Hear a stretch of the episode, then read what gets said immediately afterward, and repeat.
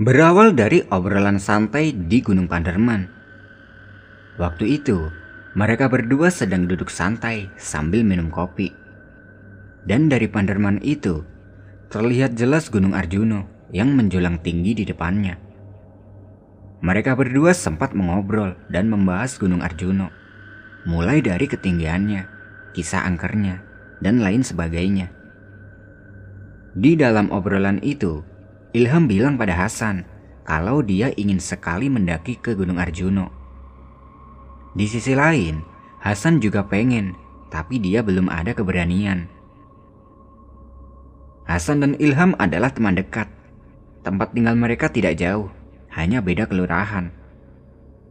Waktu itu, mereka masih kuliah di semester 3. Mereka berdua sangat sering mendaki ke Gunung Panderman yang berada di kota Batu Malang. Hampir setiap weekend, mereka berdua menyempatkan dirinya untuk mendaki ke sana. Bisa dibilang, Gunung Panderman adalah gunung favorit bagi mereka berdua. Di lain waktu, akhirnya mereka mendapat kesempatan untuk mendaki ke Gunung Arjuno. Di perjalanannya kali ini mereka tidak berdua. Mereka mengajak orang yang namanya Mas Anam. Mas Anam adalah seniornya mereka sering bertemu di Gunung Panderman. Dan Mas Anam juga janji pada mereka bahwa ia mau mengantar mereka ke Gunung Arjuno. Singkat cerita, waktu itu mereka janjian sama Mas Anam bertemu di Prigen.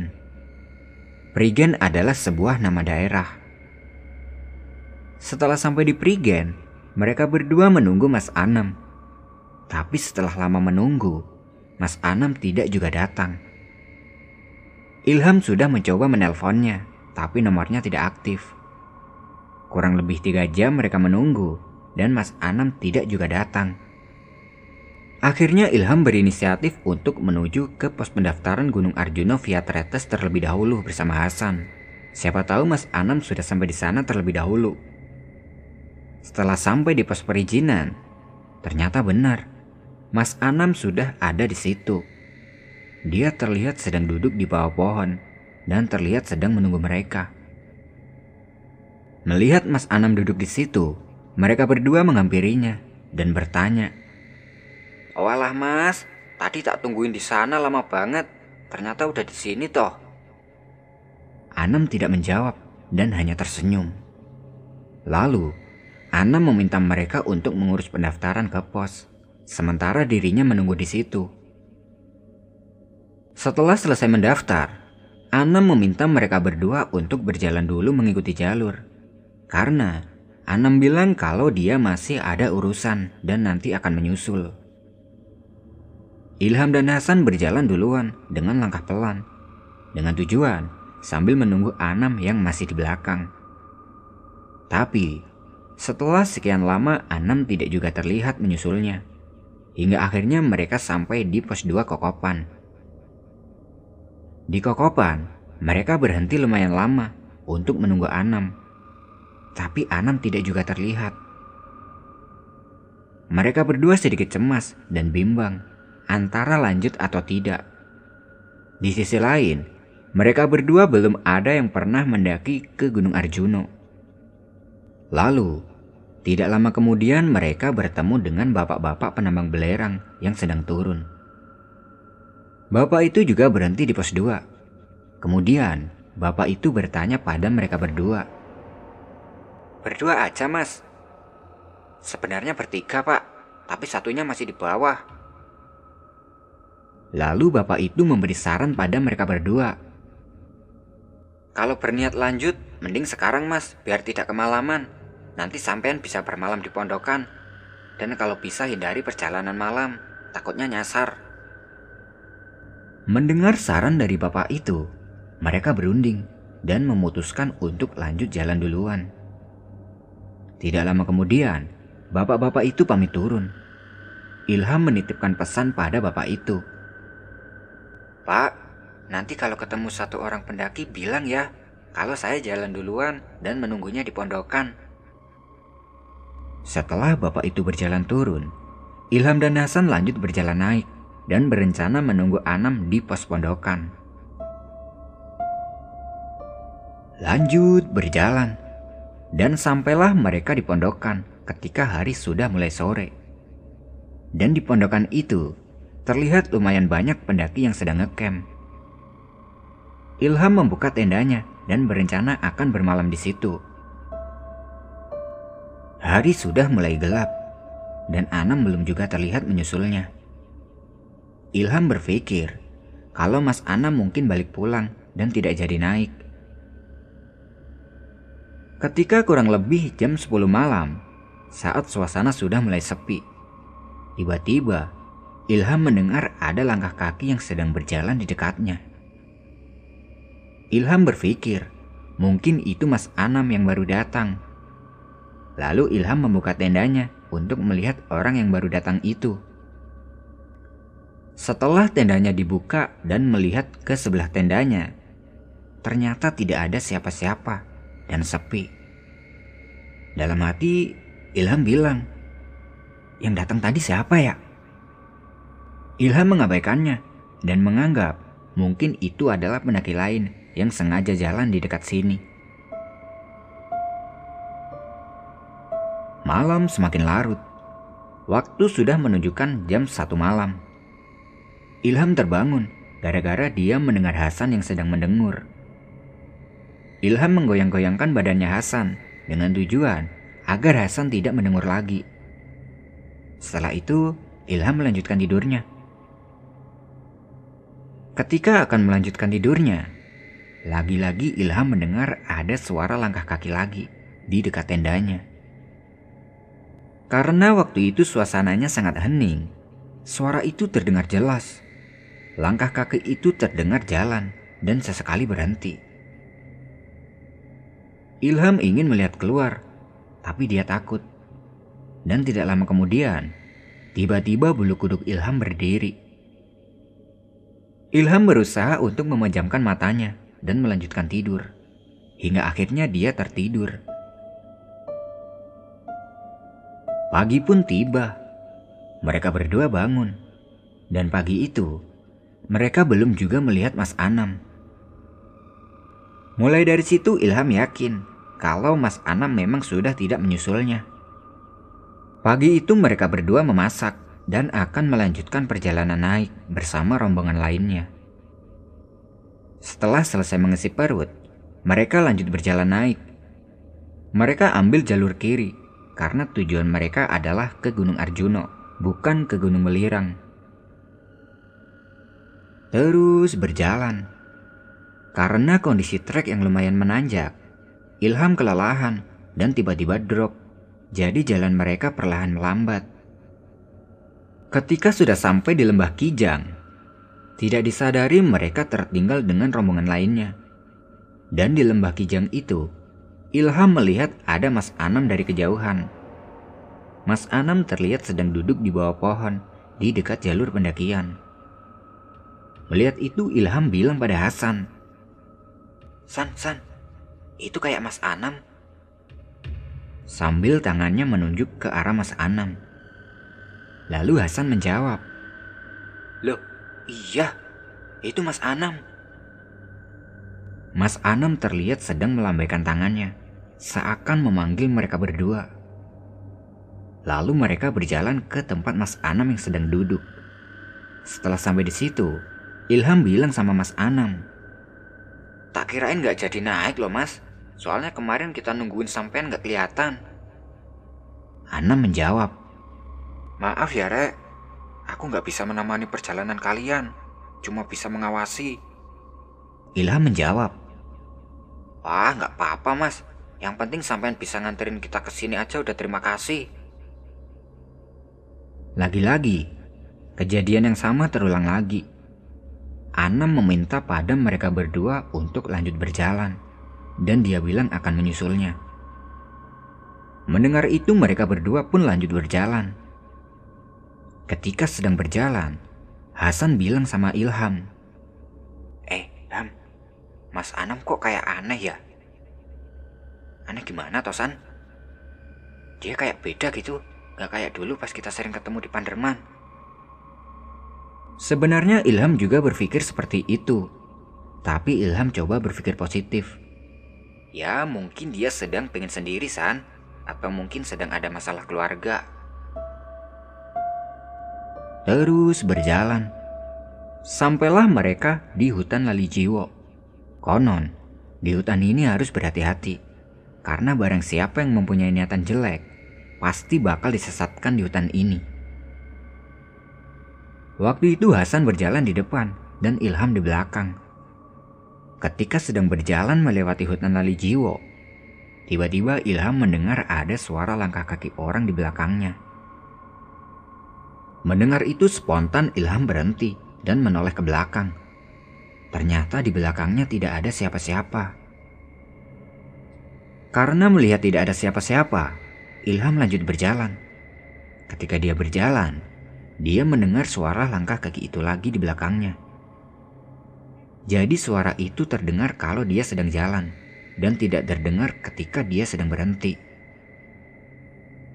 Karena merasa ada yang janggal, Ilham bilang pada Hasan yang waktu itu jalan di depannya. San, kamu dengar sesuatu nggak? Dengar apa Ham? Jangan bilang aneh-aneh tah di sini. Enggak San, coba sini, aku jalan di depan. Lalu, Ilham berjalan di depan dan Hasan di belakang. Dan hal sama kembali dirasakan oleh Hasan. Ketika Hasan berjalan di belakang, dia juga mendengar ada langkah kaki yang berjalan di belakangnya. Ternyata benar, kalau waktu itu ada yang ikut berjalan bersama mereka, tapi tidak ada wujudnya. Seketika itu bulu kuduk mereka berdiri. Mereka sangat ketakutan. Lalu mereka mempercepat jalannya agar segera cepat keluar dari hutan Lalijiwo ini. Tapi, suara langkah kaki itu terus terdengar mengikuti mereka dan menghilang ketika mereka sampai di area pelawangan. Sesampai di pelawangan, mereka sedikit lega karena suara itu sudah tidak terdengar mengikuti mereka lagi. Dan di pelawangan itu, mereka ingat kalau tadi Mas Anam bilang akan menyusulnya. Mereka istirahat sambil menunggu Mas Anam. Tapi lagi-lagi, Mas Anam tidak juga menyusulnya. Karena hari sudah mulai siang, Ilham memutuskan untuk berjalan ke puncak dan menunggu Mas Anam di puncak. Setelah cukup lama berjalan, sampailah mereka di puncak Gunung Arjuno pada jam 10 pagi.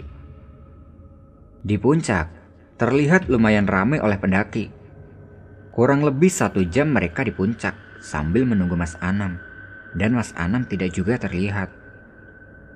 Ilham berpikir, mungkin Mas Anam kelelahan dan tidak melanjutkan ke puncak. Dan di puncak itu, mereka saling mengobrol, membahas suara langkah kaki yang mengikuti mereka tadi.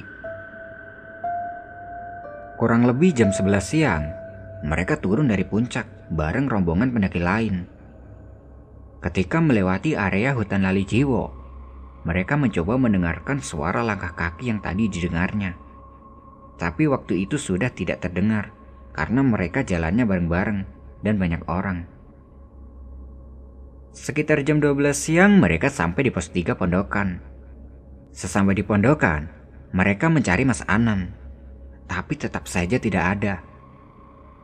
Hasan bilang pada Ilham, Mas Anam kok misterius banget ya? Kadang ada dan kadang hilang. Ilham menjawab, Hus, jangan ngomong aneh-aneh San. Mas Anam kan udah senior. Mungkin dia ketemu temannya yang lain dan bareng teman-temannya. Karena semua rombongan berniat akan turun, mereka juga ikut turun dan mengabaikan Mas Anam. Mereka berpikir, Mas Anam kan udah senior, dia lebih bisa menjaga dirinya. Lagian, tadi kan dia sempat bilang kalau dia tidak bisa menemani perjalanan kita.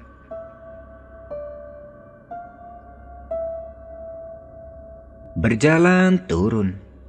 Sekitar jam 4 sore, mereka sampai di pos pendaftaran. Setelah sampai di situ, mereka istirahat sambil melepas penat. Di situ mereka bingung antara pulang duluan atau menunggu Mas Anam. Karena waktu itu Mas Anam tidak juga terlihat. Karena hari sudah sore, akhirnya mereka putuskan untuk turun dan pulang duluan. Sebelum mereka akan berjalan pulang, mereka melihat Mas Anam sedang duduk di bawah pohon di tempat yang sama ketika kemarin mereka melihatnya. Lalu mereka berdua berjalan menghampirinya. Sesampai di situ, Mas Anam bilang pada mereka berdua, Rek, habis ini mampir ke rumahku dulu ya. Makan-makan. Ilham menjawab, Waduh, boleh banget itu mas. Lalu, kejadian yang sama terulang lagi. Mas Anam meminta mereka untuk turun duluan. Mendengar itu Ilham bertanya, Loh, lah sampai nggak turun sekalian Thomas? Ana menjawab, Aku gampang, nanti ketemu di Prigen yo. Lalu mereka berdua turun duluan. Ketika sedang berjalan itu, Ilham menyalakan handphonenya. Ketika dia menyalakan handphonenya, tiba-tiba dia mendapat pesan dari nomor Mas Anam. Setelah pesan itu dibuka, Ilham terkejut membaca isi pesannya. Ternyata itu adalah pesan duka yang dikirim istrinya Mas Anam. Pesan itu mengatakan kalau Anam telah meninggal dunia. Ilham memberitahu pada Hasan tentang isi pesan itu. Dan spontan, mereka tidak percaya sambil tertawa kecil. Lalu Hasan meminta Ilham untuk menelpon nomornya Mas Anam. Setelah ditelepon, yang mengangkat adalah istrinya. Ilham bertanya tentang maksud isi pesan tadi. Mbak, maksud SMS-nya tadi apa ya? Mas Anam sudah meninggal mas. Loh, kok bisa toh mbak? Mas Anam lo barusan daki sama saya. Kalau sampean tidak percaya, sampean langsung ke rumah aja mas. Ilham merasa tidak percaya kalau Mas Anam meninggal. Karena tadi dia merasa dia ini bertemu dengan Mas Anam dan mendaki bareng. Lalu Ilham meminta alamat rumah Mas Anam. Dan sore itu, sebelum pulang mereka langsung menuju ke rumah Mas Anam. Setelah sampai di rumah Mas Anam, ternyata benar keluarganya sedang berduka cita.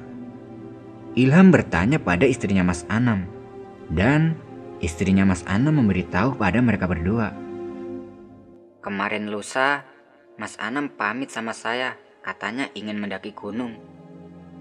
Pagi harinya dia berangkat dari rumah mengendarai motor. Sebenarnya Mbak sudah tidak mengizinkan, tapi katanya dia sudah ada janji sama temannya. Dan tidak lama kemudian, saya mendapat kabar kalau Mas Anam kecelakaan dan sedang dirawat di rumah sakit. Kami sekeluarga bergegas ke rumah sakit. Setelah sampai di rumah sakit, nyawa Mas Anam sudah tidak tertolong dan akhirnya dia meninggal dunia. Mendengar itu Ilham dan Hasan tersentak dan ikut berduka cita. Ilham tidak menceritakan tentang apa yang dilihat di Gunung Arjuna waktu itu. Tidak lama kemudian, mereka pamit pulang. Dan sesampai di rumah, Ilham berpikir dan menyimpulkan. Waktu itu Mas Anam pernah bilang, maaf tidak bisa ikut jalan dan hanya bisa mengawasinya. Ternyata, kedatangan Mas Anam di Gunung Arjuna itu untuk menepati janjinya. Karena dia sudah berjanji akan mengantarkan mereka ke Gunung Arjuna tempo lalu.